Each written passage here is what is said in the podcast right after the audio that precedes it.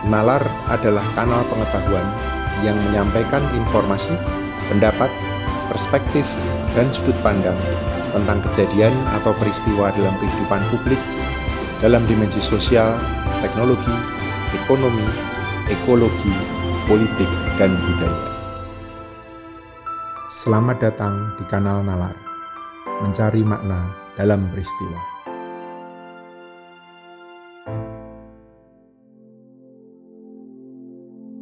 Saudara-saudara, Indonesia mencanangkan visi menjadi negeri adil makmur dan duduk sebagai salah satu pemimpin dunia pada tahun 2045 nanti.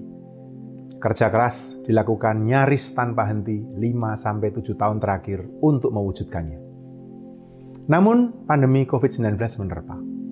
Hingga minggu ketiga Maret 2021, lebih dari 1,4 juta orang dinyatakan positif dan lebih dari 39 ribu meninggal.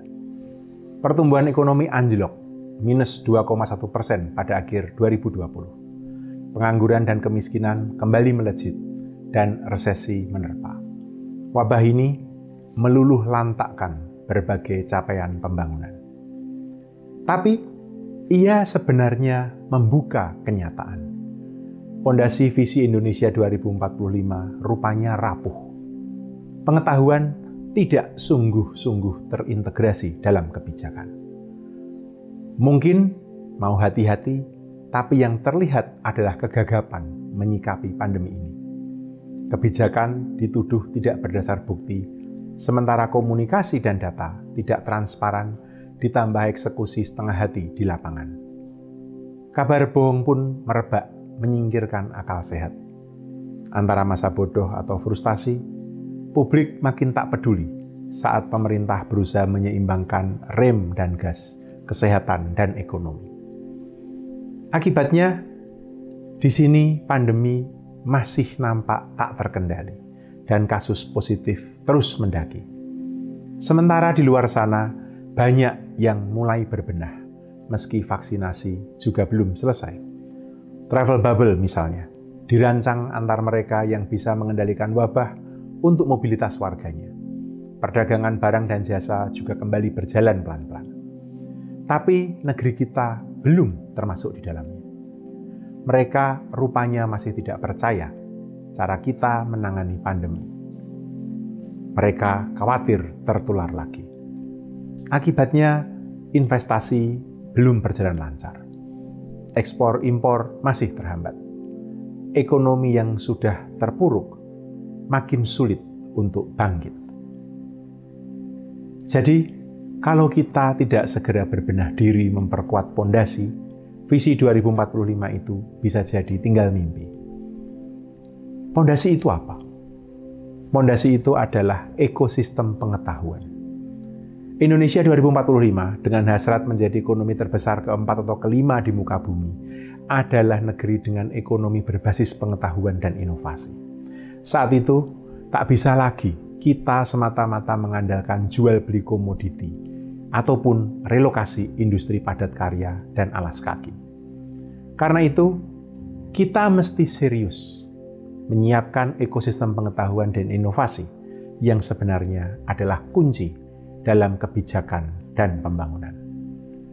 Awal tahun 2021 ini, pemerintah dalam hal ini Kementerian Ristek Badan Riset dan Inovasi Nasional, Kementerian PPN, Bapenas, Kementerian PAN, RB, telah merampungkan penyusunan cetak biru ekosistem pengetahuan dan inovasi yang secara resmi diumumkan kepada publik pada tanggal 16 Maret 2021. Cetak biru ini menjadi referensi untuk tidak hanya mengimplementasikan Undang-Undang 11 2019 mengenai Sistem Nasional Ilmu Pengetahuan dan Teknologi, tapi juga menjadi dasar memberi warna dalam menyusun rencana pembangunan jangka panjang berikutnya. Tahun ini, cetak biru ekosistem pengetahuan dan inovasi ini mulai diimplementasikan di seluruh kementerian, lembaga, dan pemerintah daerah dengan Dirijen Kemenristek Badan Riset dan Inovasi Nasional, didukung Kementerian Perencanaan Pembangunan Nasional, Bappenas, dan Kementerian Pendayagunaan Aparatur Negara dan Reformasi Birokrasi. Saudara-saudara, pengetahuan mestinya terintegrasi dalam setiap kebijakan dan rencana pembangunan. Namun, ia belum sungguh-sungguh terjadi.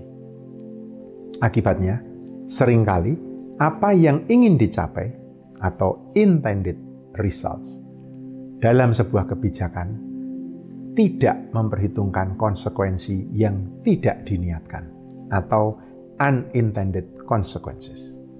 Konsekuensi ini sering tidak teridentifikasi, tidak terantisipasi, apalagi termitigasi. Misalnya, infrastruktur untuk mendongkrak ekonomi. Ambillah contoh tol Trans Jawa yang dibangun 2015 sampai 2018. Tol Trans Jawa ini bisa mempersingkat perjalanan barang dan orang, meningkatkan kinerja logistik dan akhirnya pertumbuhan ekonomi di Jawa. Namun, ternyata tol tersebut tanpa dimaksudkan, unintentionally, sempat melumpuhkan ekonomi rakyat di pantai utara Jawa. Para penjual bawang merah dan telur asin di sepanjang jalur Pantura di Brebes kehilangan pembeli. Baru setelah situasi ini diketahui, sebagian dari mereka diwadahi di rest area. Banyak contoh serupa. Mulai dari protes pembangunan pabrik semen Indonesia di Kendeng yang berlarut-larut, hingga memakan korban, pembangunan infrastruktur, bandara, pelabuhan yang diwarnai konflik dengan warga sekitar, hingga penolakan aktivis lingkungan. HAM dan perburuan atas Undang-Undang Sapu Jagat Omnibus Law Cipta Kerja. Semua kebijakan dan pembangunan ini memang diniatkan untuk mendorong kinerja ekonomi. Tapi entah sadar atau tidak, punya dampak serius di bidang sosial, budaya, dan ekologi yang mesti diantisipasi. Saudara-saudara, ini semua terjadi karena kebijakan atau rencana pembangunan tidak memikirkan aspek non-teknis dan non-ekonomis yang bisa menjadi unintended consequences tersebut. Kebijakan mestinya disusun berdasarkan pengetahuan dan bukti. Namun, sayangnya hal itu tidak selalu terjadi. Hubungan keduanya sering kali dalam bahasa Latin disebut non sequitur, tidak nyambung tidak terkait. Mengapa? Pengetahuan lahir dan berkembang dalam momen intelektual, riset, refleksi. Sedangkan kebijakan dibuat dan diputuskan dalam momen politis, lewat negosiasi, lobby politik, dan lain sebagainya. Implikasinya serius. Pengetahuan harus dipastikan dan secara sengaja digunakan dalam penyusunan kebijakan atau perencanaan pembangunan. Ini prasyarat kemajuan.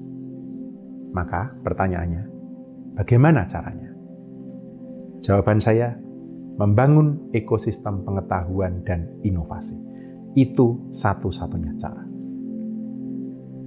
Saudara-saudara, negara berkembang seperti Indonesia akan masuk dalam jebakan pendapatan menengah middle income trap. Kecuali beralih dari ekonomi yang didorong akumulasi pertumbuhan sumber daya menjadi ekonomi yang didorong pengetahuan, produktivitas, dan inovasi. Tapi di Indonesia hal ini masih lemah. Indeks pengetahuan dan inovasi kita tertinggal dari anggota ASEAN lainnya. Ini data dari INSEAD 2019 dan data dari Bank Dunia 2019. Sektor pengetahuan dan inovasi juga kurang mendapatkan perhatian, baik secara praktis maupun konseptual dan kebijakan, yang tercermin dari tidak berfungsinya atau malah tiadanya ekosistemnya. Ekosistem pengetahuan ini terdiri dari aktor dan elemen. Ada setidaknya empat aktor menurut Hertz dan kawan-kawan. Satu, produsen pengetahuan, yakni biasanya perguruan tinggi, lembaga penelitian atau think tank pemerintah maupun non-pemerintah. Yang kedua, pengguna, yaitu mereka yang memanfaatkan pengetahuan seperti pemerintah yang membuat dan mengimplementasikan aturan atau regulasi dan kebijakan. Tiga, pemungkin atau enablers. Misalnya pemerintah sebagai perancang regulasi atau lembaga donor, lembaga pendanaan, dan filantropi. Dan terakhir, empat, perantara, intermediaries, yang menjembatani dan mengadvokasi pentingnya pengetahuan seperti misalnya organisasi media massa dan organisasi masyarakat sipil. Sedangkan elemen ekosistem pengetahuan dan inovasi ini setidaknya ada lima. Saya pernah menuliskannya. Satu, kerangka regulasi agar seluruh aktor dalam ekosistem pengetahuan bisa bergerak dan bekerja. Undang-Undang Nomor 11 2019 tentang Sistem Nasional Ilmu Pengetahuan dan Teknologi atau SINAS IPTEK adalah kebijakan kunci. Bagi saya, ia adalah game changing policy. Karena ia menegaskan pentingnya kedudukan dan peran pengetahuan sebagai pondasi penetapan kebijakan dan perencanaan pembangunan. Namun, tentu saja perlu aturan turunan untuk menjalankannya. Dengan memperhatikan peran Kementerian Ristek, Badan Riset dan Inovasi Nasional BRIN sebagai poros riset kebijakan dan wasit dalam penyusunan kebijakan. Itu yang pertama. Yang kedua, kerangka kelembagaan. Ini penting untuk mengatur peran, kewajiban, tanggung jawab, dan kaitan aktor-aktor dengan tujuan integrasi pengetahuan dalam kebijakan. Badan Litbang Kementerian atau lembaga harus memastikan kebijakan dihasilkan berdasarkan bukti dalam koordinasi dengan Kemenristek, BRIN, dan Bapenas yang arsitekturnya saat ini tengah ditata. Tentu saja proses ini akan melibatkan banyak kementerian, Kemenristek, BRIN, PAN-RB, dan kementerian yang lain. Partisipasi swasta, industri harus terus didorong. Peran, tanggung jawab, dan jejaring media dan masyarakat sipil harus jelas dalam mendorong penggunaan pengetahuan dalam kebijakan pembangunan dan keputusan publik. Itu yang kedua. Yang ketiga, tata kelola dan mekanisme akuntabilitas. Ini penting untuk mengelola sumber daya serta jejaring secara terbuka dan transparan untuk memastikan pengetahuan yang dihasilkan bisa dipertanggungjawabkan sebagai basis dan rujukan pembuatan kebijakan. Secara khusus, misalnya mekanisme kompetisi untuk pendanaan harus memastikan adanya check and balances. Mengapa riset atau inovasi tertentu mendapatkan pendanaan, sementara yang lain tidak. Demikian pula, akuntabilitas dalam mendorong komersialisasi dan hilirisasi hasil-hasil riset, termasuk kanal publikasi dengan mekanisme peer review yang kredibel. Keempat, mekanisme insentif dan pendanaan. Agar seluruh aktor bisa bergerak secara mandiri berkolaborasi, dan berkesinambungan. Alokasi pendanaan perlu dijamin, baik bagi perguruan tinggi maupun lembaga penelitian.